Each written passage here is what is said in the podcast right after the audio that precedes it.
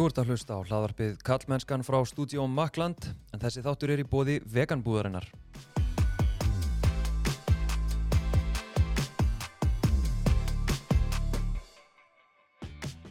Ég heiti Þorsteinn Vaff Einarsson og sé einnig utanum samfélagsmiðlinn Kallmennskan á Instagram og Facebook.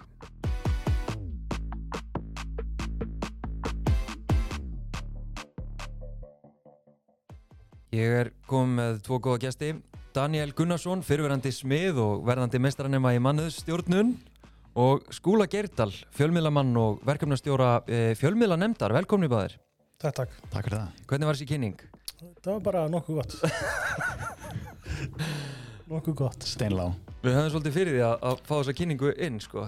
Hvernig við ætlum að tilla ykkur? Já, snýrist aðalega um að stitta tillana. Já, einmitt. En við ætlum að ræða hérna ákveðu málumni uh, til þess að brúa þetta saman að ég var með uh, um daginn þátt sem að ég kallaði kallar og líkansverðing eða eitthvað líka og þar var ég að tala við tvær konur. Og var, já, við vorum doldið að gaggrína ég var að segja þögn kalla í umræðin fytufórdóma og líkansverðing og svo frammeðis og þið höfðu báðir samband við mig uh, í sikkur lagi uh, þar sem að þið hafið já annars vegar já upplifað fytufórdóma og eins líka bara hreinlega tekið þátt í umræðu um líkansvirðingu þannig að uh, mér varst bara tilvæglega að fá ykkur saman þeir eru líka akkurringar Jú, jú.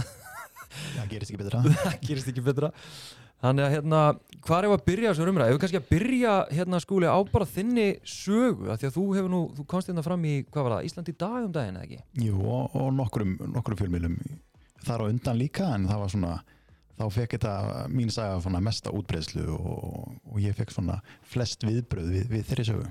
Ok, sko ég ætla nefnilega að játa ég, þegar þú hérna hafði samband og, og hérna bendi mér á þetta þá svona já, þá myndi ég eftir umræðinni sagt eftir þessu ég horfði ekki á þetta, ég skoðaði þetta ekki ég dæmdi bara fyrirsögnina að að þetta leit út eins og þetta væri svona verið að hérna, tappa inn í fytufordóma umræðina Mm -hmm. eins og þetta var matreitt Já, var það ekki þín það eða, jú, ég get alveg tekið undir það. Þetta lítur svolítið út svona eins og forsíðan á, á vikunni, hérna, misti 50 kíló á 5 vikum, sko, Já, sem er engan veginn mín saga. nei það var ekki það sem varst að reyna að koma framfæri Nei, alls ekki, sko.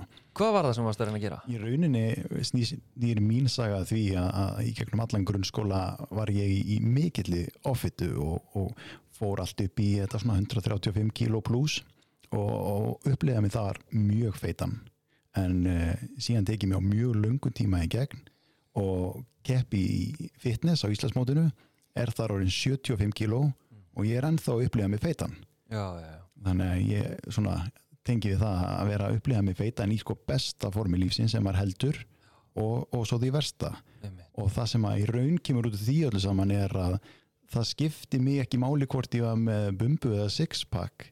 Það var ekki það sem var að veita mér ánægju eins og ég held, ég held að þegar ég fengi loksin sixpacki sem ég hef búið dreymum í öllu þessi ár þá er ég nú hamingjusamur. Einmitt. en það var ekki tilfellið. Og, og þá rækki mig á þann að ég þyrfti nú að fara að skoða eitthvað annað. Og, og, og það var ansvöldsögðu andlega liðin og, vera þá sáttur í mínu megin líka maður og þetta form að vera á fitnessviði brungusbrautaður með six-pack að pósa sko. þú veist á þessum tíma var ég, gæti ég valla lift í rektinni, maður var svo orkulítill maður var á, á mataræði sem að meikaði engan sens veist, í, í bullandi ádröskun. Maður sig í speglinum og sá engan veginn rétta mynd. Þetta var náttúrulega í, í tómu ruggli þannig að maður þurfti að taka skref tilbaka. Ok, þannig að þú, þú ert svona einmitt. Og hvernig sko áttar það á því að herðu, þetta, þetta er ekki gott mál? Ég, ég hugsa kannski að það verið þegar ég kefti í setnaskiptið ég kefti tvisar á Íslandsmótinu í fitness og í setnaskiptið þá lendi ég ekki eins ofalega við vilja sko, og voru að spyrja dómarna hvað hefði verið og þá var það, já, þú ert of grannur. Mm. og ég hugsa, nei, þetta er þetta er vitlisa, þetta er setning sem ég hef aldrei á æfinni heyrt. Uh, og það tók mig alveg góða viku að fatta hvað dómarinn var að meina. Ok, svo þegar ég fór að horfa myndir þá, þá raunverulega svona viku setna þá sá ég, ok, vá hvað þú ert orðin grannur en þetta var ekki myndi sem ég sá þegar ég, ég leiti í speil þarna var ég komin svo opbóðslega brenglaða mynd. Ég var komin í mikla vöðva fíkn ok. uh, og, og markmiðið einhvern veginn allan daginn. Ég gerði ekkert annað en vera bara í ræktinni og, og borða ekki. Mm. veist, maður var náttúrulega komið líki það að að kasta upp og, og líðanir voru eins líka að þú veist, íktasta dæmi var að ég neyð niður í jarðaför uh, og stál senunni þar sem er eitthvað sem engi vil gera. Að hérna, þú veist, maður var einhvern veginn í, í bara tómu tjóni bæði líkanlega andlega og, og, og þegar ég átta með þessu, þú ert of grannur og þú ert búin að sjá því þetta vittlust allan enn tíma þá fór ég að hugsa, til hvers er ég að þessu? Er ég að þessu bara til þess að vera með eitthvað sixpack og, og, er ég með það einhvern veginn til að geta lappað um sundlega bakkan rosa flottur, af því það var ekki tilfellið. Mér fannst ég alltaf rosalega feitur þegar ég fór í sund og ég hreinlega slefti það að fara í sund að því mér fannst ég svo feitur þráttur að vera sko einhver hann 4% fita eða eitthvað sko. einmitt. Og þarna kannski erum við farin að tengja inn í líkansveringa umræðana en Danni við áttum samtal sem að mér varst mjög áhugavert eftir síðasta þátt. Segðu mér aðeins hvað við vorum að tala um. Rifjaðu Sko, ég náttúrulega er búin að vera, man ekki eftir mér öðru sér heldur en feitum, sko, bara frá því ég er krakki. Og svona í setni tíð, maður er búin að fylgjast með, veist, þetta byrjar ábúinlega svona upp úr aldamótum svona rosa áberandi umræða um líkamsrækt og meðranir og svona þeirra prótenduftið og rippfjólið er að koma, sko.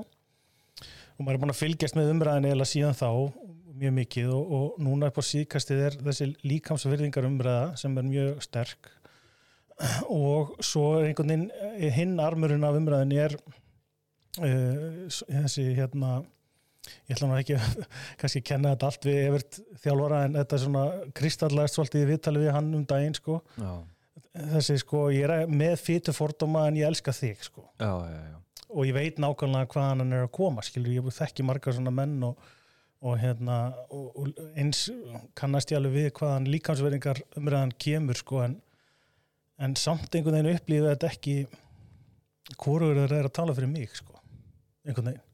Að hérna reynsla mín að því að vera feitur í síðastlegin 30 ár eða þú veist, ég er ferstur, rúmlega ferstur þannig að ég man kannski eftir mér um 10 ára aldur eða eitthvað. Hún harmonerar ekki, ekki við, við ekki við eða hvora hliðina sko. Hvað áttu við þá? sko auðvitað áallum að líða vel í eigin skinni og þessi hérna, endalösa þrá ekki fyrir megrunum og því að vera grannur eða grönn eða massaður eða massaður er rosalega skökk. Um, og það er engin tilviljun held ég til dæmis að skúli hérna fari í alla leiði fitness sko. mm. það var ekki nóg að koma sér í form og líða vel og geta þú veist, skipt um dekk á bílum á þess að svitna heldur þurfti hann að fara alla leið að keppa í fitness skilur, ég var, þú veist, þegar ég var tvítur þá og tók mína fyrstu sko brútal meðurinn þá hérna, var þetta mitt markmið, ég bara allt í nú var hann að hugsa bara ég get bara að fara að keppa í vakstarökt skilur og eitthvað svona skilur. Ok, og hérna sem er náttúrulega svona kallmennsku brútal hugmyndir einhverjar sem að maður fattar ekki hvaðan koma náttúrulega. En, en samt sem áður er sko að því að báðir aðilar hafa svo mikið rétt fyrir sér sko. það áöllum að líða vel í einskinni en það að vera feitur er bara ekki þægilegt. Skilur það er ekki mín upplifun að, að því að vera feitur að það sé þægilegt. Þú veist, þetta er fyrir manni alltaf, allan daginn, all, þú veist, alla daga. Mér er mikið náttúrulega eftir hvað velur er að gera í lífun og svona en hérna, og svo þessi sko það fyrir rosalega í töðunum með þessi umræða eh, hvernig hún er sett fram og ég, þetta er vel meinandi, ég veit það. En að setja þetta fram svona þú veist, ég hata fytuna en ég elska þig. Það minni mig, þetta, er- þetta er svona hugrinningatengsl við aðra umræðu sem að hérna, ég hata syndina en við elskum þig sko, sem að við þekkjum annar staðar frá. Og hérna, sem að mér finnst líka rosa skakt einhvern veginn og þú veist, ég held að allan að fyrir mig er sannleikurinn einhverstaðar í miðjunni sko. að hérna uh, til þess að líða vel í eigin skinni saman hvernig þú lítur út þá þarftu allavega að geta gert lífið nokkuð svona áreinslu löst og vera heil hilsu og, og, og það, það skiptir miklu miklu meira máli heldur en sixpack og, og brunkusbrei sko. Já, en að komast þangað er einhvern veginn já, fyrir, þú veist, þetta er búið að vera langu vegur einhvern veginn að komast með umræðin á þennan stað, sko, þetta var allt bara, bara megra sig og leggja af og líta út og, svo náttúrulega breytist þetta líka með, þú veist, ég er náttúrulega búin að eldast og þú veist, þá breytist hugafari kannski aðeins en hérna en þetta er svona, svo er einhvern veginn ekstra vingill á það hvernig við kallar erum, sko, þetta er búið að vera rosa konur þetta er rosa kvenlægur yðnaður þessi megruna business skilur við og hérna, en samt er náttúrulega þetta er svo þetta er svo steikt sko hvernig þetta er. Að ef þú ert feitur að þá skaltu vera sterkur. Þá er bara gert ráð fyrir því að það er að vera sterkur. Þú veist, ég er búin að vera feitur alltaf nýf og þá bara gert ráð fyrir ég geta, þú veist, tekið 200 kíló í nýjabi af því að lappinnar á mér eiga að vera svo sterkar Mhm. skilur og, og þú veist, og þá skaltu vera einhverstaðar sem þú getur sínt hvað þú ert sterkur. Einmitt. verðt í kraftliftingum, verðt í crossfit eða einhverja sem að allir það fer ekki fram hjá neinum á sérst sterkur sko. þá er þetta, sleppur þetta til sko. Hvaða hljóð er þetta? Já, einhver heldur sér upp á kaffi. Herri, já, sorry, já, einmitt. Að hérna, þú skall alltaf vera sterkur. Já, það er svona krafan. Þetta er svona, já, þú veist og hérna og með konur er þetta, þú veist, ef þú ert í yfirþyngd þá skalt allan að vera einhvern veginn svona hérna, svona körfi og einhvern veginn, þú veist, þetta er svona einhver ímynd sem er búið að búa til sem að þú veist, þetta meikar engan sens, sko þú veist. Ég held að þessi akkurat þessi ímynd sem er búið að búa til þetta er svona, hvað er að vera feitur? Þú veist, ég er búin að upplega með feitan á mjög breiðum bili og ég veit að mjög margir uh, upplifa það líka, ég, ég þekki marga fitnesskeppindur sem að upplifa sér feita á sundleðabakkanum en engin annar gerir það. Mm. en svo erum við svolítið upplifa okkur feita því að að einhver annar eða samfélagi er að segja okkur að við séum feit, ég, ég var alltaf feitistrákurinn ég upplifði mikið feitan fyrir en að ég fekk að heyra frá öðrum þú veist þegar að eineldi byrjaði eða þú fóst í leikum í tímana og, og þar snýrist allt um hver gætt hoppa hæst og hlaupi lengst og þú gætt alltaf ekki gert neitt að þess að því þú varst feitur. þú veist bara lágar einhvernir, íþróttir voru ekki settar upp fyrir það að vera feitur.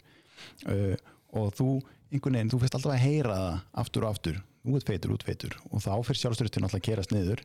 En uh, ef enginn hefði verið að segja mann þetta, ég veit ekki hvort maður hefði þá verið að upplifa sig eitthvað sérstaklega feitan. En manstu eftir því þegar þú svona, býtu, hæ, er ég, er ég feitur?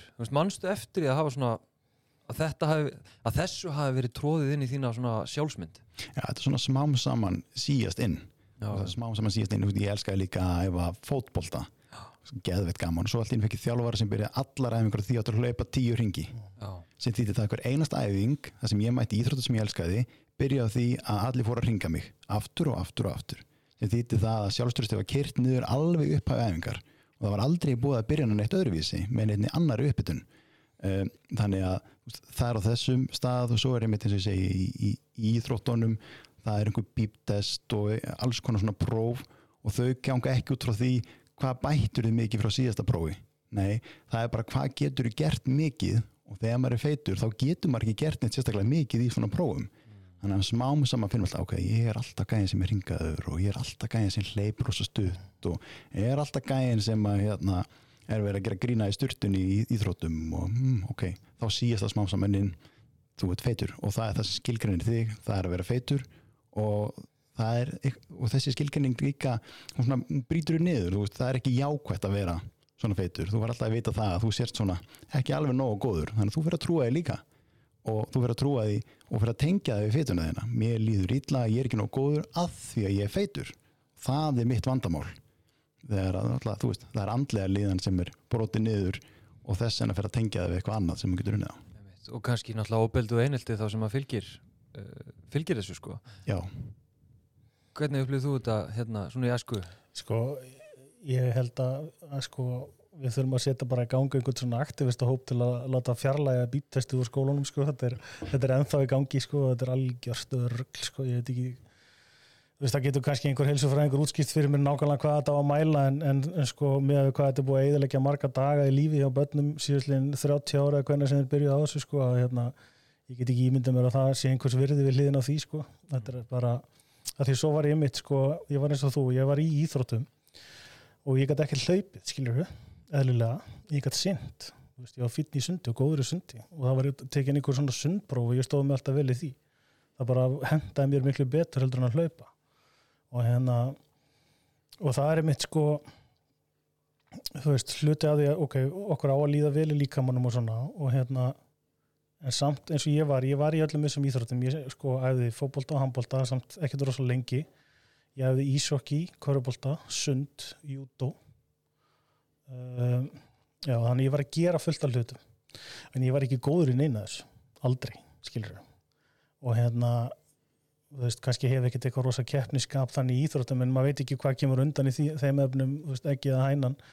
En hérna þú veist, og það er náttúrulega bara því ég er alltaf á þungur, ég er alltaf síðastur maður er, þú veist, hérna þegar þú ert þungur í jút og þá ertu náttúrulega í efri þingdaflokkum með sko sterkari mönnum, skilur eldri mönnum, þú veist, á svellinu þá var maður skauta maður hægast, skilur og þetta er bara, þú veist, þetta er endalaust sko, en, en hérna ég gerði þetta samt alltaf og ég var mjög til dæmis mikið á skýðum og snjóbrettum og svona, skilur þegar ég var krakki og úlingur en hérna en alltaf er þetta bak við eira sko. Þú veist, maður er ekki eins góður eins og hinn er að fer ekki jafn mikið fram og hinnum og þar einhvern veginn, allan er mínu upplifun og þar kemur held ég svona hættulegasta breytan fyrir framtíðana sko. Að það er þetta að vera minni en sko, sem kemur út úr öllu þessu. Að þetta á allt að vera rosalega gott og uppbyggilegt sko. Og svo er náttúrulega, þú veist, þjálfar er orðin betur í dag heldur en ég ætla að vona þessi orðin betur í dag heldur en voru á þessum tíma. Veist, það var mjög mismæðandi þjálfar náttúrulega eins og við þekkjum.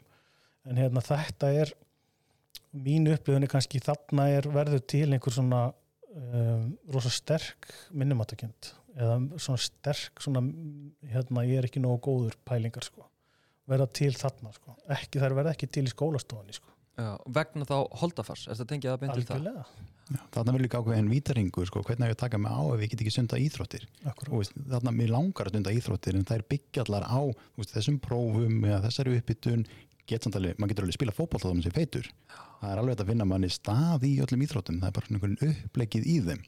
Og þegar upplegið er svona þá fer maður einhvern veginn að svindla sér út og maður fer að búa til afsakanir. Ég er meittur og láta taka sig út af og fá mömmu til þess að skrifa upp á það maður þurfu ekki að mæti í sundið og, og allt það. Og þá hættir maður sund íþróttir og þá verður maður bara ennþá þingri þannig að hérna, maður, maður verður að geta reyft sér líka og, og þú veist, feitir, eða einhvers að geta verið að tala um feita því maður, veist, það er bara upplifun. Uh, þeir geta alveg stunda íþróttir eins og allir aðrir. Já, ég skildi aldrei af hverju við vorum með A, B og C-lið sko í fótboltanum með gamla dag af því að það var alveg jafn mikið mál fyrir þjálfur að C-lið myndi vinna eins og A-lið sko.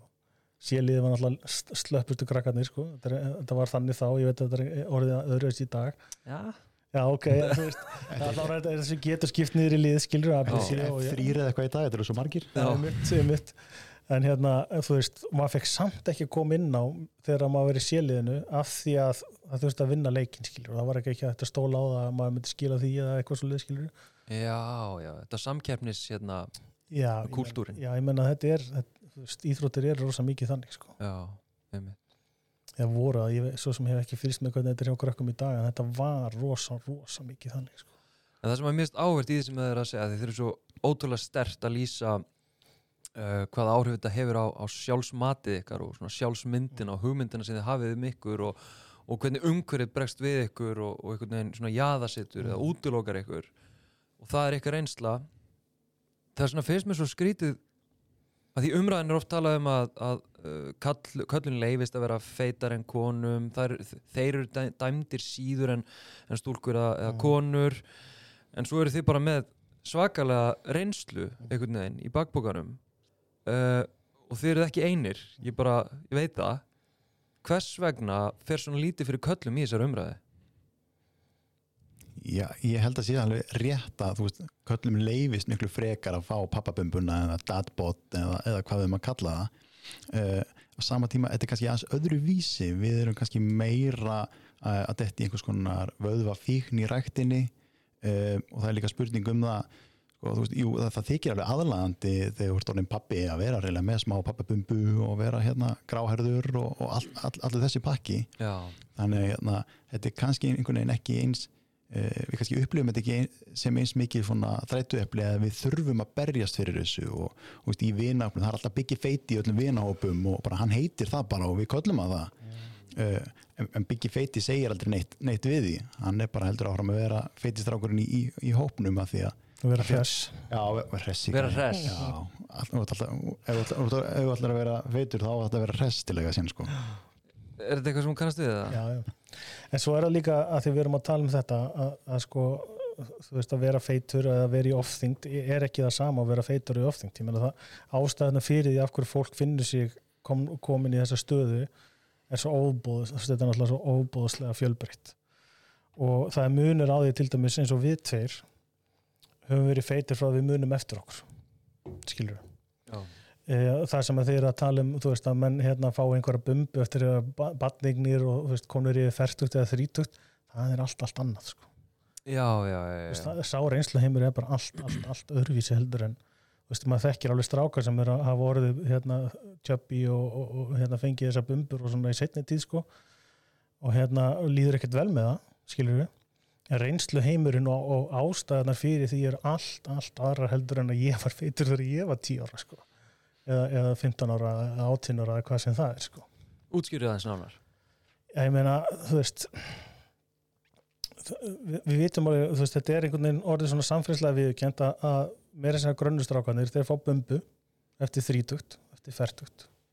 Ofta er þetta tengt við, þú veist batspurð og, og hérna, batningnir og svona og, búið að finna þetta fancy orð datbot sko, sem að hérna fyrir 20 ára síðan er bara, að sagt, þú er bara auðmingi drýðið rektina sko. Já, já. en hérna að þetta er svona uh, þú veist, þarna er fjöldin fjöldin hefur mikið með þetta að gera. Þetta er og, hérna um, ástæðunar fyrir þessari ofþyngd eru allt, allt aðrar heldur en fyrir minni ofþyngd þegar ég er 10, 12, 15, 16, 18 ára skilur þú veist það er náttúrulega mitt óheilbriða samband við mat sem er hérna, einhver kveikja þessu öllu hjá mér skilur en þannig ertu komin í svona bara einhvern svona velmeðunar lífstíl og hefur efnaði að borða og eitthvað svona, einhverja svona pælingar. Og þannig er náttúrulega fjöldin og leiðu að komi fjöldan og þá náttúrulega bre- breytist valdadínum í kynskilur og hérna þá verður þetta viðkennara af því það eru bara alls konar menn í alls konar stöðum sem að, fyrst, eru allstaðar í þessum valdastöðum í stjóðfélaginu skilur í samfélaginu að þá verður þetta bara viðkend það er skaltu bara það að kallar með bumbi eru bara ei ok skilur já, já, já. það er bara þannig.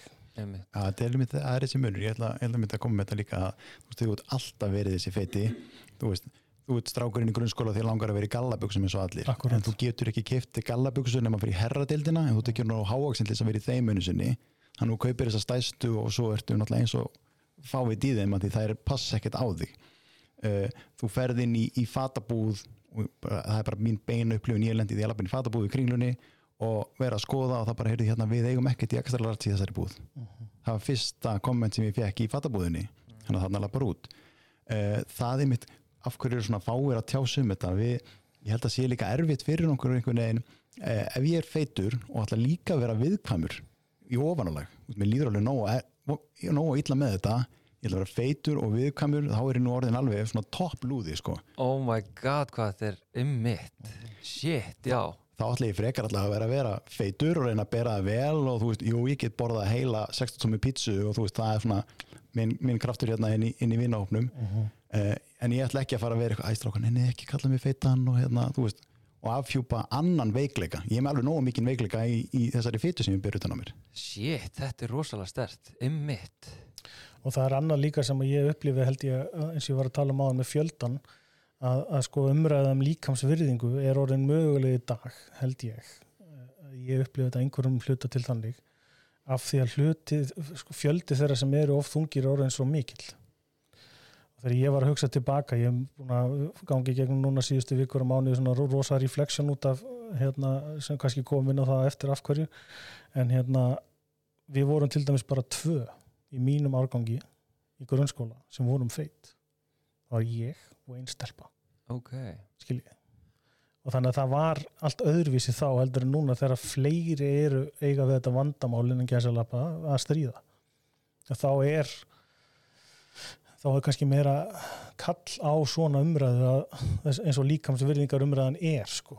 Og Já. hún er mjög góð skilur og, og fyrst, að, fyrst að áengum að líða illa yfir í hvernig hann lítur út skilur og þá á enginn að vera lagður í einelti í grunnskóla bara er of þungur. Þetta er bara rugg en hérna en samt sem áður þá, þá er einhvern veginn sko og, eh, þú veist, ég er alltaf að tala bara út á persónulegri reynslu. Að, að, að það, það líður ekki svo dagur einhvern veginn sem maður, hérna, maður rekst ekki á eitthvað bara, ah, þú veist eins og ég segi, það var skipt um dekk á bílnum eða whatever það er, skilur sem að er þægilega að vera ekki feitur. Þú veist, það er bara þægilega í lífinu að vera ekki feitur. Og hérna uh, og, og ég mitt áhugavert að hann var að tala hérna um sko með fatnað og svona að hérna ég var að segja þetta mitt í tringdi um daginn að hérna fyrir fyrir, mér stjóra svo gammal til alltaf að segja 20 ár en alltaf þegar ég er úlingur skilur við milli svona 95 skilur við, 95-2000 að þá fluttu þessar gallabusnabúður bara ekkert inn gallabusu sem voru stærri en 34 mitti sko. og það var bara hefni að það komi svoleiðis gallabusur í búðunar sko. Já, einmitt. Þú veist, þannig að þú getur rétt, fyrsta sem ég gerði eftir mína fyrstu meðrun var að fara að kaupa með díselbuksur sko. og var geðveikt á það sko. Vá. En það er þetta eins og hann talar um það að lendi í einelti þú ert feitur í grunnskóla. Þetta er svo ofbáslega erfið staða af því að þegar maður er á þessum aldrei í grunnskóla þú stjórnar ekkert mataræðinu þínu. Þú borða það sem er heima hjá þér. Og, og það var alveg sem mig, ég var ekkert að taka e, í gegn mataræði heima og maður held áfram að vera feitur. Þannig að þetta er einhvern veginn e, ábyrðin er náttúrulega líka fóreldra og svona líka þess, þess mat sem að færi í skólamötunitinu þannig að þú getur og að lítið bórið ábyrð á einhvern veginn því að þú sett feitur eða, eða tekið þið á að þessum aldri. Þannig að þetta er opaslega ósangjant að verða fyrir einelti út frá því. Einmitt. En þess, veist, einmitt, við erum svo mikið að tala um núna hérna, veist, byggt á eitthvað reynslu og upplifun og allt þetta. Og þið lýsir svo mikið uh, þessari ímynd sem ykkur uh, text ekki, sem að þið fyttið ekki inn í veist, svona normið hvernig strákarnir líti út einhvern veginn. Uh, og, og það tengst allt útlitinu. Á meðan ég upplifi þessa umræðin svo bara Erna Kristín Ernuland og, hérna, og Tara Margrét og, og svona þær konur sem eru fremst í þessari umræðum líkamsvirðingu um, að er rauninni eins og ég skilða er að tala um að, að fólk má bara vera alls konar og fólk er alls konar algjörlega. og, og hérna svona efna samsetning okkar og hvernig bara holdafar okkar er það á ekki að skipta hennu máli. Þú veist, fegur er alls konar og, og hérna og heilbrið er alls konar og það er jafnvel meiri ógn við heilbriði hérna til dæmis feits fólks þegar að fólk þykist hafa svona mikla ummyggju fyrir okkur Akkúrat. eða skilur ykkur feita fólkinu Mm. Veist, þannig að hvernig svona snertir það ykkur og, og þá ykkar svona reynslu heim mér lókast ég segja sko að ég held að það sé auðveldar fyrir mig að tjá mig í dag um þetta af því ég er í góðu formi í dag og það tók mig tíma að einhvern veginn hætta að skammast mér fyrir það að ég hafi verið feitur einu sinni. Uh, ég ætla að taka annað dæmi að því svo fer ég mitt enn í fitnessu og með sixpacki og svo er ég að þjálfa fótbolta. Og það er náttúrulega allir með ædolið Cristiano Ronaldo sem er með geggja sixpack sko. Og strákunum fannst þetta rosa spennandi. Þeir kunni náttúrulega Google og voru búin að sjá að ég er líka svona og fannst þetta bara geðvett spennandi bara hvernig getið orðið eins og skúli sko. Mm. uh, það var svona einhvern veginn að miðla því til þeirra. Þú ert ekki að borða eins og fitnessmótel þú átt ekki að vera að borða til þess að fá sixpack þegar þú ert æfa íþróttir. Þú verður að borða nóg og það skiptir einhver máli í, sérstaklega í hvað þing þú ert þegar þú ert að stunda þína íþrótt.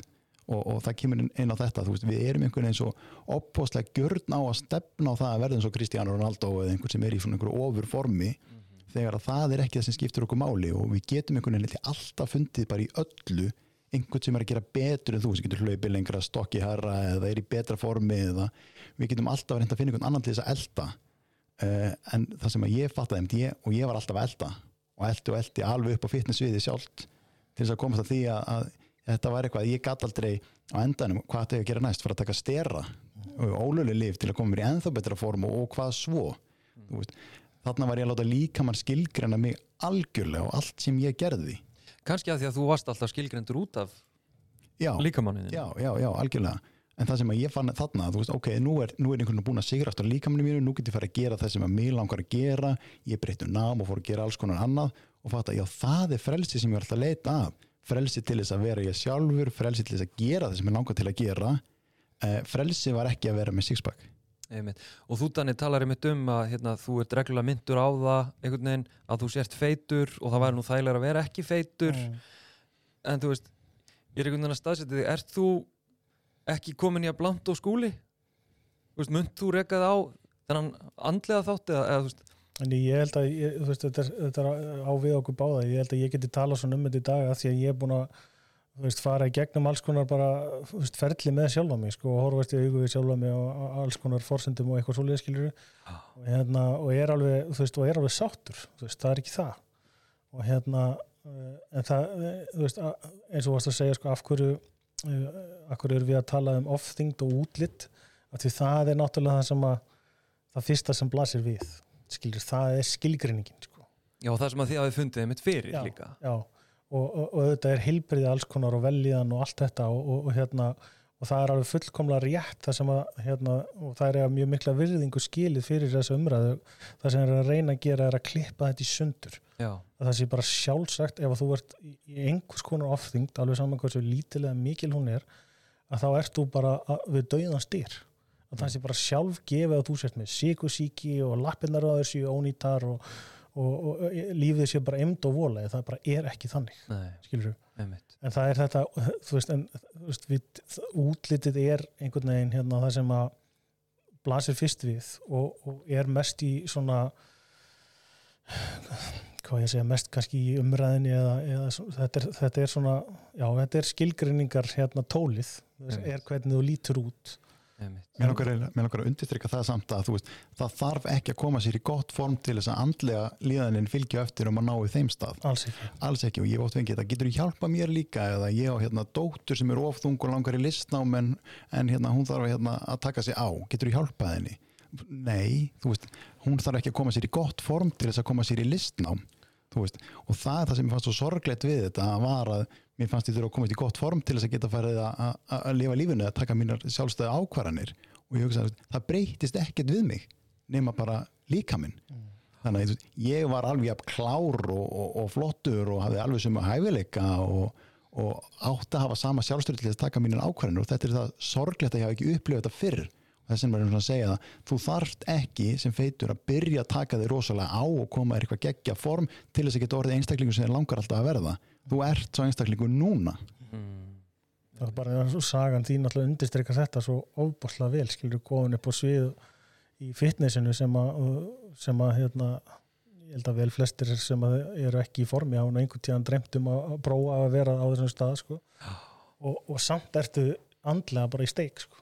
Veist, það er svo brjálaðislega áhugavert sko. En hérna, segja okkur aðeins þannig, nú ert þú á morgun að fara að gera daldið Já, og það er einmitt, einmitt þetta að hérna, þú veist uh, ég er full, þú veist, og lífi mitt er bara dásamlegt í dag, skilur þú veist, og, og hérna ég hef hérna búin að skipta eins og kom fram í, í hérna kynningunni er að skipta um starfsvettvang og, og hérna og, hérna hvað ég var að segja, persónulega lífið er bara frábært og þetta, þú veist, mér líður bara vel en samt er ég 100 og ég rokka svo í vikt 115-20 kíló eða eitthvað. Og klukka 9.30 fyrir málið þá fer ég hérna í húsi við hliðina læt svæfa mig og minka í mig maga. Og það er það sem ég er að fara að gera í fyrramálið sko. og það er það sem er framöndan hjá mér næstu vikurnar er að, er að semst, fara í gegnum það ferli allt. Og þá er mitt sko af hverju af hverju veist, að að vera að gera þetta og ég, þú veist það er mitt þetta ég var að segja á hann í síðustu vikur mánu eru búin að vera rosa svona reflect búin að reflekta mikið á fortíðina og hvernig þetta er allt búið að vera hjá mér sko að ég sko hvað til núna til þess að fara að gera þetta er allt, allt annar heldur en hann hefði verið þegar ég var títur sko. Já, að reyna að komast í dísel galabusuna Já, það hefði þetta bara verið að því að því að svo náttúrulega það sem við höfum ekki kannski talað undir ósirna en au- auðvitað snýst þetta líka um áhugan frá hinni kynni þetta snýst um samskipti kynjana og þegar maður er feitur úlingur þá er það ekkert eitthvað rosalega hérna, spennandi sko, að vera, vera í þeirri stöðu. En allavega semst, já, af hverju er ég að fara í aðgerð klukkan 9.30 fyrirmáli er, er, er sko uh, ég er fyrst og fremst að hugsa um lífið næstu 40 ára sko. mér líður svona eins og ég sé háluleik núna sko. ég er 40, verða 42 ára í sumar. Og hérna setni háluleikur eru eftir og ég finna bara, þú veist, ég er búin að vera smiður mjög lengi, vinna með skroknum alla mína tíð, skilur að vera alltaf í yðþyngt þannig að hérna, þú veist, ég fann aðeins að finna til í löppunum og svona og, og hérna og held bara þetta sé bara fyrir mig búin að spá mikið í þessu, fyrir mig að þá er þetta rétt að skrefið til þess að ná balans á hluti sem ég hef ekki getað ná balans á sjálfur. Eins og hvað? mat, bara mataræði skilur Já, já, ég er búin að vera alltaf þannig ég saði frá þann fyrsta alvöru brútal meðurinn mín var henni kringum tvítugt. Og þá tók ég einhver 30 kíló af mér á einum vetri. Og síðan þá er ég ábúinlega búin að léttast um svona 150-200 kíló. Já, alltaf sömu kílóin sko. veist, þannig ég er búin að vera mikið jójóvikt. Og, og núna, veist, ég er svona 115-20 núna, já og síðustu átti var að, bara fyrir þáttum var ég eitthvað að spá í þessu, já, síðustu átti mánu er líklegast búið að vera svona 15 kíló sveifla á mér já, já.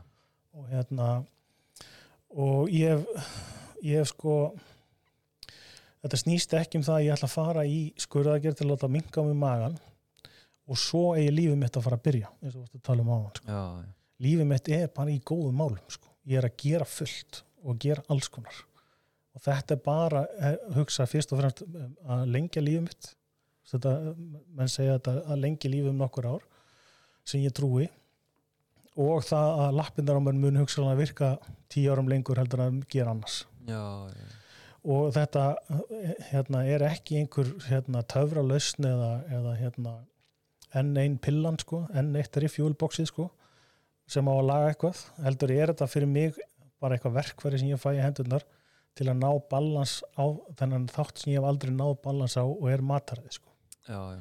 og mér líður óbúrslega vel þegar ég kannski segja kringum 100 kíló en þá vissulega yfirvikt skilur, en, þá vissulega hérna, hleypi og hjóla hægar heldur en þeir sem eru 70 kíló en mér líður bara vel þar en effortið sem ég þarf að setja í það að halda mér þar er bara óbúrslega mikið mín líkamsgerð og hvernig þetta allt funkar hérna inn í mér er bara þannig ég þarf að, bara fyrir, fyrir mína parta að vera of mikið að vinna í því sko. það bara ger Já. ég eiginlega ekkit annað ef við kemur hérna með við erum alltaf að holdgera hérna ákveðna umræðu við tekið hérna evert orðræðuna þú veist, þú ert bara að vera aðeins agaður og duglegri og vera svona eins og skúli þú veist, ég meina, hvernig, hvernig snertir þessi umræða þig? Æ, ég hef búin að heyra þetta svo lengi sko. þetta er náttúrulega bara sama og þú segir við allt kannski, akkur er bara hættur ekki að drekka eða akkur, þú veist, það er allir með eitthvað skilur þú veist, það, ég meina, það er engin þessi fullkomna maskína agans, þú veist, það er allir með eitthvað, eða, þú veist, í sínu lífi sem að má betur fara. Já, og hjá mér er það bara þetta já, skilur og hérna og, og eins og varst að segja á hann skúli sko með að breyta matarinu þegar maður er krakki og vissulega, menn það var ekkert eitthvað endalus maringsveisla heima á mér þegar ég er krakki en ég fer mjög fljótlega sjálfur allt sem ég gerir sjálfur var óholt í rauninni í gamla dag og auðvitað er þetta einhver svona veist, orsök og afleðing að manni líður einhvern veginn og þá gerir maður eitthvað og eitthvað svoleið skilji en hérna en, en sko og með reyfingu, það, það var til dæmis breykkrúð fyrir mig fyrir nokkur, nokkur ára síðan þegar ég fór markvist að vinna í því að slíta þetta í sundur reyfingu og mataræði. Að þó ég væri að geta skúfukökur og drekka kók þá fór ég samt á æfingu. Skilur þetta, hér, að láta þetta ekki hanga alltaf á sömu spýtunni sko. Ég meina, og það er líka bara mín reynsla þú veist, og nú hef ég aldrei verið feitur. Veist, ég, hérna, bara aldrei samt leið mér oft að ég væri ófeitur af því ég var í svona fótbolta hérna kreðsunni sko og það var aldrei, þú veist, ég var í marki líka ég þurfti ekki að hlaupa mikið þannig að ég var með svona aðeins meira utan á mér en hinnir fótboltagæðinir og, og svo þegar ég hætti fótbolta 20 og eitthvað, 6 ára að, að þá fylgir þetta mér endalust og ég mitt, ég er alveg fixerar á mataræði. Þú veist, annarkvort er ég all in í að borða óksla holt og reyfa óksla mikið eða bara all out. Mhm. bara borða hvað sem er og reyfa mikið neitt. Akkurat. og alltaf einhvern veginn óbáðslega fixerar á þetta að hérna, líkamann, í rauninni bara útlitið mér er alveg saman heilbrið í rauninni. Ég vildi bara lúka heilbriður, það var svona mitt mindset. Og það var rauninni ekki fyrir en að ég bara emmitt, sleiti þetta algjörlega sundur og, og kom líka auga á uh, hversu fókt upp þessi viðmið og, og standard, þú veist, hvað er ég að gera, þú veist, ég er 36 ára gamall. Eða svona kannski, já, næstu í 36 ára þegar ég svona gerir þessa tengingu hvað þetta er rauninni sjúkt, hvað þetta er skakt viður hjá mér. Já, að vera svona fixerar á að, ok, ef ég ætla að vera í ræktinni þá verð ég að hérna, borða svona og svona og svona. Svo bara hætti algjörlega í þessu. Veist, bara að fæ mig franskar þegar mér langar í franskar og, og er í ræktinni bara þrísvar í viku og, og mér hefur aldrei liðið að vel. Akkurat. Þú veist, ég hef aldrei verið jafngóð hérna, bara andlega líka og einmitt að halda inni þessari þessari, þessari heilsusamlegu rútínu að vera í ræktinni þetta er líka held ég svo íslensk sko, við erum svo opbáslega all in annarkvort alltaf að vera all in í átæki og ég hef ekki alltaf verið aðeins, ég var líka búin að kynum marga meirun og kúra og alltaf að, tapa sömu kílóunum sem svo þannig var að tala um sko. Já, en þú veist, það er svo frelsandi þegar maður einmitt fer að stunda reyfinguna ekki með það markmið að hún sé að fara að grenna mann Já. eða maður sé að borða uh, ekki með það markmið að, að grennast heldur bara því að matur er góður Mhm. og, og þú veist, við verðum öll líka að fá að borða rjóma eins lífið er og stutt til þess að borða bara hafragröð sko. já eða vegan rjómaðis en svo er þetta líka sko að, að, að það er bara þú veist, sko, það þarf bara líka að viðkynna það að við erum bara ekkert öll eins innan í okkur. Það Einmitt. funkar bara ekkert allt eins. Einmitt. þú veist að vera rosalega agaður og bla bla bla. Ég meina ég þú veist, ég æfði, ég æfði crossfit í 6 eða 7 ára hangur til að ég hakkaði á mér öxlina eh, ekki crossfit, sem að taka það fram. Og þú veist, ég menna ég hjólaði 5.000 km fyrra og 6.000 km árið þar áður veist, þannig að það er ekki eins og ég sé bara búin að sitja á raskatun og gera ekki neitt skilur, ég er búin að vinna með líkamannum bara alla minn starfsferil er ég búin að vinna með líkamannum veist, að, þú veist 8 til 12 tíma á dag. Og hérna en það er eitthvað við mat og hvernig ég neyti matar. Veist, hvernig samsetning fæðunar minnar er og ég veit ekki bla bla bla, eitthvað skilur og magnið og allt þetta og hvernig líkaminn minn vinnur úr því sem er bara þannig að það er nánast, ég ætla ekki að segja nánast sama hvað ég geri en þú veist, efforti þarf að vera svo gríðalegt þú veist, ég æfði crossfit, meðast öðuldra að æfa crossfit sexunum í viku heldur en þrísvar í viku. Þú veist, ég geta æft eins og skeppna, það var aldrei stoppað mig eitthvað, þú veist. Ég er bara einhvern veginn, minnst það ekkit eit- eitthvað mikið mál, en ég með æfingarnar eru bara 20% af því að leggja af eins og við vitum skilur já, þannig að hérna, það er líka þú veist, svo ég haldi áfram með ka- kannski, þú veist, útskýra betur þetta með aðgerðin að, að hérna að því að, þú veist, það er ekkert annað að þú veist, ég er ekki með síkusíki blóð, blóðsíkur eru góðu lagi blóðfita er góðu lagi, ég læt mæli með blóði mjög reglulega, fylgjast með hvað er að gerast. Veist, þannig að ég er ekki með neina undirlíkjandi einhverja sjúkdóma eða neitt svoleiðis. Það er bara reynd og klárt það er bara þetta, ég, hef áhugaði að fungera og lifa aðeins lengur. Og hérna og fyrir mig að, að, að fá þetta verkvar í hendunar að, að það setja eitthvað svona restriction á það hvað ég get borðað mikið sem neyðir mann í það að hugsa ok, ég verð að hugsa um það að borða próteinni fyrst þú veist að hérna og, ég, veist, og, það er alveg vitað að, hérna, ef að ég breyti ekki einhverju hérna í hausnum á mér og þá eftir 2-3 ár þá fer ég bara fitna aftur skilur þú veist, ef ég held bara áfram að ætla bara að drekka Coca-Cola og borða skúfukökur í hvert mál þá gerist það bara óumflýjanlega skilur en þannig að hérna uh, og það er líka hérna, og ég veit að, að hef séð þessu umræðum um aðgerðnar að þær séu málaður upp í svona of uh, og fögrum litum kannski eða eitthvað svo liðis og hérna, ég skil alveg hvaðan svo umræða kemur, þetta er náttúrulega stór álegt mál, þú veist, ég er að fara í meiri hátar skurðagerði fyrir máli þú veist, og þetta sé, sumstaðar er umræða þannig að þetta sé bara, að þú feð bara þetta er bara græjað og svo verður bara grannur. Þetta er ekki þannig sko og ég hvet alla mitt sem að hérna hafa ekki kynnt sér þetta að horfa á þættina sem voru gerir um hana heru hérna söngkonu, var mjög ég tengdi rosalega mikið við allt það sem kom fram þar hjá henni sko. Og hérna og, og aðdraðan þessi hjá mér er, er mjög langur að, að rauninni ég hugsaði um að maður fór að heyra af svona hjáutaðgjörum og svona og, sá einn og einn sem var búin að fara í svona og maður hugsaði, nei, þetta er ekki fyrir mig og eitthvað. Og svo gerist það núna einhvern tíðan í byrjun árs að hérna þá allt í hennu er ég komin á þann stað ok, nú, ég- nú þarf ég að ákveða hvort að þetta er fyrir mig eða ekki. Veist, það, það, það var fyrsta breytan sem breytist þetta var bara fyrir einhver aðra. Ok, og allt í hennu þetta orðið bara ok, núna þarf ég bara að ákveða hvort að ég, þetta er fyrir mig eða ekki.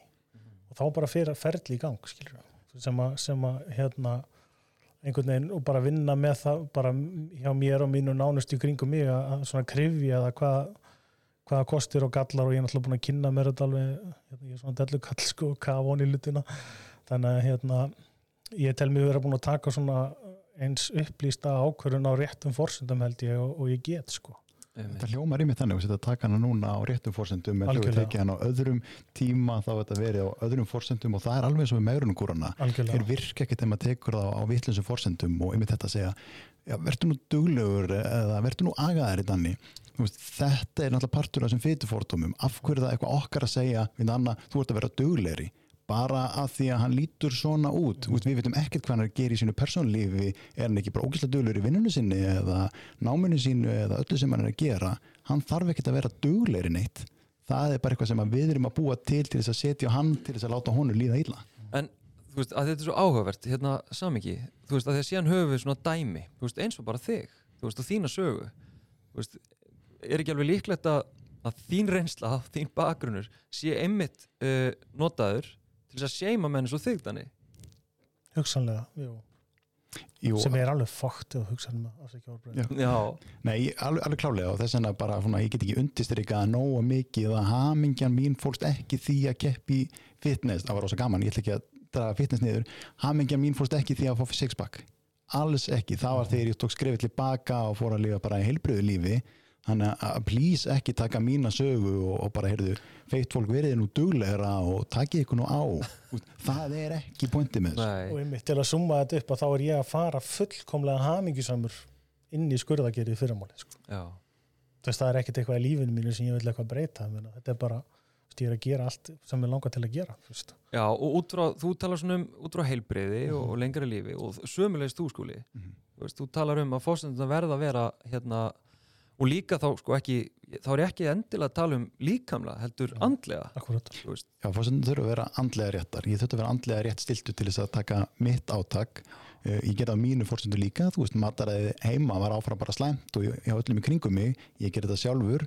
Uh, Mín sagði svo náttúrulega ég var komin á blóðþrýstingslækandi lif í grunnskóla vegna ofþyngdar, þannig ég varð að gera eitthvað í mínu máli líka, þannig að það ítti mig líka uh, af stað. En hérna, það er mitt, þetta er svo einmitt, vertu, vertu bara duglegur, vertu bara duglegur eins og skúli og, og, en þú ert kannski duglegur í einhverju öðru, þarna leti ég lífið mitt gjössanlega snúast um það að vera duglegur þarna. Og Já. þetta er alveg eins og að taka uh, okkar færasta crossfit fólk eða landslið í knatsbytnu og reyna að bera sér saman. Ég ætla nú að taka aukarspytnur eins og gilfi eða ég ætla nú bara að vera eins og björgvin í crossfitinu. Dagurinn hjá þeim snýst um þetta. Þannig að við getum endalust verið að búa til okkur til í sama burð og ætla að vera duglegir eins og þessi og ég ætla að vera ríkari líka og ég ætla líka að svona mörg börn og líta svona út og við höfum bara 24 klukkustundur og við verðum að sofa. Þannig að við getum aldrei verið í þessu kaplöpu og svo hvað næst, og ég ætla að fá með starra tippi eða þú veist, við getum alltaf fundið eitthvað til þess að vera óanað yfir og ég var duglegur í mín og svo var einhver aðrir að hugsa um eitthvað allt annað. Þannig að hérna, við erum með þessi fucked up viðmið og hugmyndir og staðalímyndir og, og einhvern veginn en hérna, mér langar að heimsækja aftur af því að mér fannst það svo áhugavert uh, og, og reyna einhvern veginn að átt okkur á því hvers vegna ég kallar finna ekki þörfina eða, eða drengir bara strákar, uh, finn ekki þörfina til þess að einhvern veginn fara inn í þessu umræði um til dæmis bara feitufórtum og líkansverðingu hvers vegna þeir eru svona ósýnilegir? Mér langar að heimsækja það aftur út frá einmitt þessum punkti sem hún segir sko, ég var feitur og ég ætla ekki að fara hérna niðurlaða mig ennþá freka með því að fara að tala um að mér liði eitthvað illa mm Mhm. því sem þeir eru að segja. Já. Ég held að þetta sé líka sko, við megum sem kallmenn ekkert vera að pæla mikið í útlitinu. Uh, við eigum ekki, við erum bara karlmenn og karlmenn eru röff og karlmenn eru bara svona eins og þeir eru og bara ánaði með sig að fyrir það að vera karlmenn. Uh, þannig að við eigum ekki að vera að pæla þessu. Ég til dæmis tek svo næst dæmi ég brungusbrautaði mig på sviði og svo fór ég að vinna í sjónvarpi og fór að farða mig. Það er annað bara big no-no sko, þú veist, þá hlýtur hann að vera hann samkynniður sko. Einmitt, á neikvæðan hátt. Á neikvæðan átt sko, eins og það skipti einhverju máli, þetta snýst bara um ég, meina, ég fyrir að nota húkrem bara því ég er bara hann að pæla í því hvernig útlitið mitt er og, einmitt, og, og hárgili mitt og, og maður fær samt svona skrítu skrít, skrítna svona augnagótur í ræktinni þegar maður er einmitt með förðunaburstan einhvern veginn að taka sér til inn í daginn. Uh, þetta einhvern veginn, við megum ekki vera að pæla mikið í útlitinu af því við erum kallmenn og þetta er svo, þetta er svo skrítin, skrítin umræða á meðan einmitt konur mega að gera allt þetta en, en við höfum helst að vera svona fínir en ekki ofínir og við höfum, höfum helst ekki að vera með gel. Við höfum helst bara að geta farið í jakkafutin í fermingavestun og vera bara klárir út í bíl já, og helst vera þá kvart í konunu sem er ennþá að sletta hári og búin að vera í klukkutíma að græða sig sko. já, einmitt. Og, og með tilfinningarna sko, að hérna, veist, þetta, bara ég er ennþá að hugsa mér á punkt sko, hérna með veist, þetta sem þú sagði ráðan með tilfinningarna að geta ekki bara viðkynnt hvernig þið líður og þú hérna kinkar kolli og, segir sko áðan danni eða vera fyndin og ég mitt hérna einn vinnu minn sko, hann hérna var oft mjög feitur og talaði mjög mikið um það og var alltaf að gera grína því. Ónaða já, ónaða og svo eitthvað skiptið, vorum við eitthvað, settustu niður vorum að tala saman og, og þar er hann einhvern veginn að, að lýsa mitt hvað hann líði illa. Yfir því að það sé alltaf verið eitthvað að skjóta á hann hvað hann sé feitur og hvernig hann lítur út og eitthvað. Að þá bara í fyrsta skipti, þetta er endur alveg 16 ára síðan sko, en, en þá í fyrsta skipti fatta ég, ok, wow hann er bara að reyna að taka völdin. Hann er bara að reyna að vera ekki niðurlegaður þú veist, er, er þetta að, þetta taktík sem að þú þekkir? já, já og nei. Já, já, og ég náttúrulega hef yfirleitt að gegnum mitt lífi eru bara svona hressa eðlisfæri og við erum báðir þannig bræðinni sko. En hérna sko ég ég hef rosa mikið verið að hugsa tilbaka veist, tengslu við einelti og svona. Og ég lendi aldrei í einhverju svona mér fannst ég aldrei að lenda í einelti þetta var mér eitthvað stríkt sko.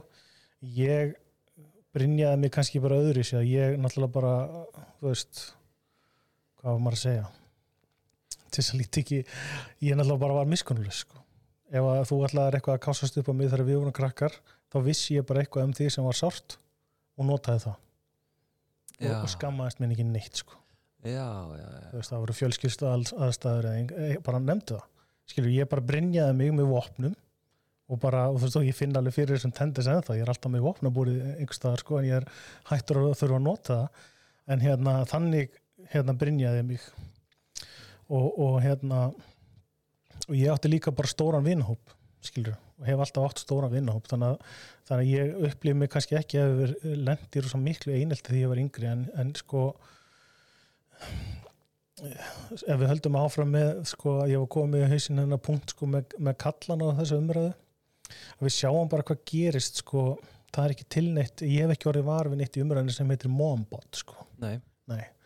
það er bara að sem sagt, taka barnavagnin og hlaupa af sér hérna þyngdina sem það er hérna, flestar setja á sig við batspurð skilur að í, í, í, því ferli. En um leið og hérna hluti kalla ég kom með vömb og villi kom með vömb og Maggi kom með vömb og bara, að, við erum bara töffari en allir með vömb. Þetta er bara þetta er bara munurinn, þarna er bara þú veist svona kallmennsku hérna feðraveldis pælingin sko um leið og þetta hérna verður svona þá er bara ok man, það er bara samfélaglega viðkjönt það er bara dadbot og við erum allir bara góðir já, þetta er alveg klikka sko. og svo þú veist á meðan eru sko hérna eru sko hérna fyrirmyndir kvennana eru sko hérna í sjónvastáttum og bíómyndum og ég, þú veist, þetta var svo súralist ég sé- hef séð eitt þátt að einhverju sem heitir hérna, Real Housewives sem einhver svona raunveruleika þáttur og svo náttúrulega þetta Kardashians og allt þetta skilur og þetta er bara sjúkt sko hvernig, hvernig hérna útlitt styrkunin er orðin sko er og hefur verið. Finnst þetta að vera svo þú veist, þetta, akkur er ekki kallanir að stíga inn í þessu umræðu, hún er óþægileg þú veist, það vill enginn tala um það að, líða illa yfir einhverju skiluru allra síst kallar vilja ekki tala um að bara líða, við erum bara góðir, við erum nóg að gera góðum launum, da, da, da, skiluru við erum bara hérna alltaf. Já. og svo finnst mér þetta svo mitt frá þessum forsendum bara hvaðan kom þetta dadbot skilur, hver bjóð það til? Og akkur er þetta orðið normaliserað fyrir kalla að fitna á einhverjum ákveðnum aldrei en ekki konur? Mér er okkur að taka áfram hennar boltið mitt með þessar tilfinningar og tjá sér tilfinningar. Karlmenn eiga náttúrulega að vera harðir og við verðum alltaf mjúkir þegar við fyrir þannig tilfinningar. Og maður sé þetta að ég verði að vinna í félagsmiðstöð að þú veist, ef þú ætlar að vera góðu kærasti þú veist, þá ert alltaf kærastu faggi og menn er tilbúin að henda fyrir sér sambandinu bara fyrir það að vera harðir. Og þetta er alveg eins og þegar strákar að tala sín á milli, eh, við þurfum alltaf að vera harðir við mögum ekki vera að tala um, um mikið um tilfinningar og, og, og minn besti vinnur hann, kom út úr skápnum þegar við vorum í, í grunnskóla og þá kærast hennar á þeim tíma sagði, já en nú þarf þú að vera tilbúin til þess að taka öllum brandurunum um tippi í rasko þú veist, þú verður að láta þá algjörlega hérna, gera grína þær alla leið. Og það var svolítið einhvern veginn þannig tók allir á þessu, bara með að gera það komið með alla homabrandarinn í bókinni á hann. Uh, í dag búið rosalega vel að því að hann, hann þurfti að yfirst í eitthvað erfitt í sínu lífi og þá fórum við að tala um tilfinningar og við höfum einhvern veginn haldið þeim bolta áfram sem er alls ekkert sjálfsagt. En þetta, við sem ekki tilbúin að tala um tilfinningar, við sem ekki tilbúinir að vera mjúkir stundum, þetta er fara að hafa áhrif á samböndin okkar og hjónaböndin okkar og svo lendum við í hjónabastarákju og skilnaði og, og það er allt bara að því að við erum ekki tilbúin að tala saman. Í grunninn er samskiptavandin alltaf stærsti vandin en, og við búum hann átt til bara því við ætlum að vera svo opposlega miklu Einmitt. Ég held að grunnurinn að ógeðslega miklu hérna, á mörgum vandamálum sem að, að segja, við kallar glímum við, megir ekki til jafnvel ómeðvitaðra kallmennsku hugmynda sem að við höfum lært og gengist upp við bara frá því að við vorum, bara höfum vita og aðgrein okkur frá stelpum, þú veist, bara þryggja, fjögur ára, þá byrjum við að læra þetta hlutverk. Já. og þú veist, einmitt, ég, mér, mér sýnist svona umræðinni, ekkit bara á Íslandi, heldur út um allan heim, að við séum svona pínu átt okkur á því hvernig þessar kallmennsku ímyndir og hugmyndir hafa viðbjóðslega neikvæð og slæmar uh, afleðingar og áhrif á sko ekki bara konur og annað fólk, heldur líka á okkur sjálfa. Já, já. og það er eitthvað sem við þurfum að gera með veist, og það er eitthvað sem við þurfum að gera. Al- algjörlega. Þú veist, konur sem hafa barist fyrir jafnbreytti síðustu hundra árin eða meira, þær er ekki að fara að taka þennan slag. Nei, nei. það er bara við sem þurfum að gera það. Nei, það er bara miklu auðvöldur okkur að segja að þetta sé að því þær eru svo erfiðar. Og það er nákvæmlega orðræðin sem að beinist að mér mjög oft. Já, já. þú veist að hérna helvitis feminasistinir þeir ætla nú bara að taka okkur kallana og leiðrétt okkur að þeir við erum svo slæmir. Já, já. en sjá ekki eigin ávinning á því að þetta er erfiðasta hindrun náttúrulega í allri umræðu sem að snertir á jafnbreytti kynjana það er sama hvort það er þessi umræðu sem við erum hér í dag eða ofbilsumræðu sem mikið í gangi eða, eða hvað það er að það er að fá kallmenn til þess að átta sig á því að þetta stendur þeim nærri. Þetta er, þetta er ekki vandamál eða umræða sem einhver annar þarf að taka. Mhm. þetta stendur öllum nærri. Algjörlega, skilur, og þetta hefur áhrif á okkur alla einmitt. og það er saman hvort við erum feitir eða mjóir eða grannir þú veist, stórir eða litlir að við, þetta er þetta er í lífi okkur allra og þetta, er, þetta eru við veist. Þannig erum við svo viðkvæmir sko. við erum svo viðkvæmir fyrir einhver alltaf taka yfir okkur þessi feministar þeir alltaf taka yfir ég þekki sko kall líka sem er með lægri laun en konur sko, veist, þetta, þetta gengur ekki eða, eða me too það er nú alveg, hefur alveg einu sinni verið klipið í rassin á mér á djaminu sko. Já. Veist, við erum svo rættir, rættir við þetta við einhvern veginn missum sjónar á því að, að það sé verið að tala um eitthvað, eitthvað jafnrétti Mhm. ef það á einhver staðar að ganga yfir okkar mörg sem kallmenn þá gengur þetta ekki sko. Og ég nú hérna mitt í, í námi og svona sem ég er búin að vera að taka verið í kynjafræð og svona og það, er alltaf sko, það er alltaf farið í mig þetta eitru kallmennska já, hugtakið. Já, og það Já. er ekki að því að það er eitthvað í mig skilur að ég sé eitthvað, ég verð eitthvað eitraður eða eitthvað heldur, heldur sé ég veggin sem að þetta hugtak býr til hjá köllum þú veist, bara ef þú myndir nota eitthvað annað en eitruð skilur, að því að kallmenn eru viðkvæm blóm og þú verður bara nálgast það þannig. Að, um leið og fyrir að tala um eitra kallmennsku eða, eða hérna svona almennan töffaraskap, þá mætur bara einmitt. hjá köllum yfirleitt. Og það er alveg með þessi líkams hérna, virðingarmál það er alveg eins þar eins og annar staðar. Menna veist það er mitt hérna, líka kveikjan að því að ég ringdi í því hérna, um daginn var að, að ég var að sá viðtal við hann hérna, læknin hérna á klínikinni sem ég er að fara heimsækja fyrir málið og hérna og þar segir hann að, að það er 80% konur sem fara í svona aðgeris hérna já, já, já. en það er samt meira hluti þeirra sem eru í yfirþyngd eru kallar Einmitt. og það verður bent á sko hættulegri svona einmitt, hættulegri Já. en samt er 80% hvenna sem að fara í þetta sem er náttúrulega ótrúlega áhugavert Já. Alveg klikkað.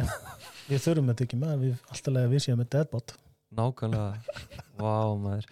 En svona sko að lokum uh, bara hvað hvernig sjáu þið ef að segja næstu skref í umræðinu hvað er þetta að gera? Því að við erum algjörlega á því að þetta snýst um einhverja menningu, þetta snýst um einhver viðmið þetta snýst um þetta snýst um hérna, vitlu sleði sem ég setti upp hérna. Þetta snýst um hérna í rauninni allt annað heldur en holdafar mm -hmm. uh, samt snýst þetta rosa mikið um holda Já, vissulega, en í rauninni samt ekki þetta ég snýst líka það. mest kannski að einhverjum viðmiðum og Já. einhverjum hugmyndum og síðan þessari fjarlæð kalla frá umræðinni akkurat K- hvernig drögum við þetta saman? Hver er næstu skref? Hvað er þetta að gera? Úf, ég held að sé líka bara að vera meðvitaður mitt miðla læs, það er nú starfið sem ég er hér alla daga, að við séum meðvituð um það þegar við sjáum uh, Björgun Karl í, í öllu sínu veldi og öllu sínu formi á, á netinu hvaða klukkutímar og hvaða vinna er þarna baki og jafnvel Photoshop og, og filterar eða hans ég sé skjóta hann beint, bara á, á samfélagsmiðlum almennt, að við séum meðvituð um það að, að þessi dæmi sem við erum að fá uh, allstaðar og það öskra okkur öllum áttum í öllum fjölmiðlum og öllum miðlum að þau eru ekki raunveruleg og við getum aldrei búið okkur saman við öll. Þannig að það væri raun svona næsta að reyna að reyna nátunum það. Og þetta er sérstaklega mikilvægt held ég hjá yngri krökkum, úlingum sem að er að alast upp með þessa myndir miklu sterkar heldur en nokkuð tíman uh, við vorum að gera þegar við vorum yngri. Einmitt. að, að að þau viti þetta, þetta er ekki eðlileg viðmið, þetta er ekki, ekki, ekki eðlilegt, þú veist eins og maður var að sjá myndirnar af, af hérna þú veist, Ka- Kardashians eh, sem er, fær miklu meiri deilingar heldur en kannski kona sem er að vera geimfari sko, þú veist, Mm. þetta, við þurfum einhvern veginn að breyta svolítið hvaða fyrirmyndir við erum að horfa á og af hverju. Þannig að e, ég held að það, það væri svona næsta skref í, í umræðin okkar og, og svo einmitt það að hætta skilgreina feita út frá því að þeir séu feitir. Af því að við vitum í sinni hvað það er að vera feitur við höldum öll á einhvern tímaböndi að við séum feit Mm. svo er einhvern veginn sko, sem að mér er svo magna hérna samæðilegt stefi hérna hjá okkur til dæmis þó að saga okkar sé lík en mjög ólík að þá er samt samæðilega stefi hérna veist að hamingin kemur bara fyrst sko. þú þarft ekki að leggja af um 20 kíló til þess að vera hamingi samur og ég hef heyrt hérna, einn af mínum bestu vinnum lýsir hérna, hefur lýst þessu þannig að marga konur í hans lífi, þá voru mamma hans og frængur og og svona, þær voru alltaf 5 kílóum frá því að vera hamingisamar Já. allt sitt líf. Þú veist það var alveg sama hvað, hvað sagði viktin það var alltaf 5 kílóum frá því að vera hamingisamar og það er engin leið að lifa lífinu sko, saman hvort þú ert kallega kona sko. en hérna að það einhvern veginn að sé lægi bara að, að, að tala um svona hluti veist, það, og, og, og hérna af hverju hlutinir eru eins og þeir eru. Og einmitt þetta að, hérna, að, að það er ekki að fara að redda neinu fyrir neitt að leggja af skilur þú veist, þetta er það holdt fyrir hilsuna hjá sumum og svona en það- veist, það veitir þér ekki lífsvillingu og hamingi sko. Einmitt. Já, þetta er þessi gott, að vera 5 kíló frá að vera hamingisamur Já, ég held að við tengjum að þessi mörg við það sko. Algjörlega. Daniel Gunnarsson og Skúli Gerdal, takk hjá fyrir spjallið. Takk takk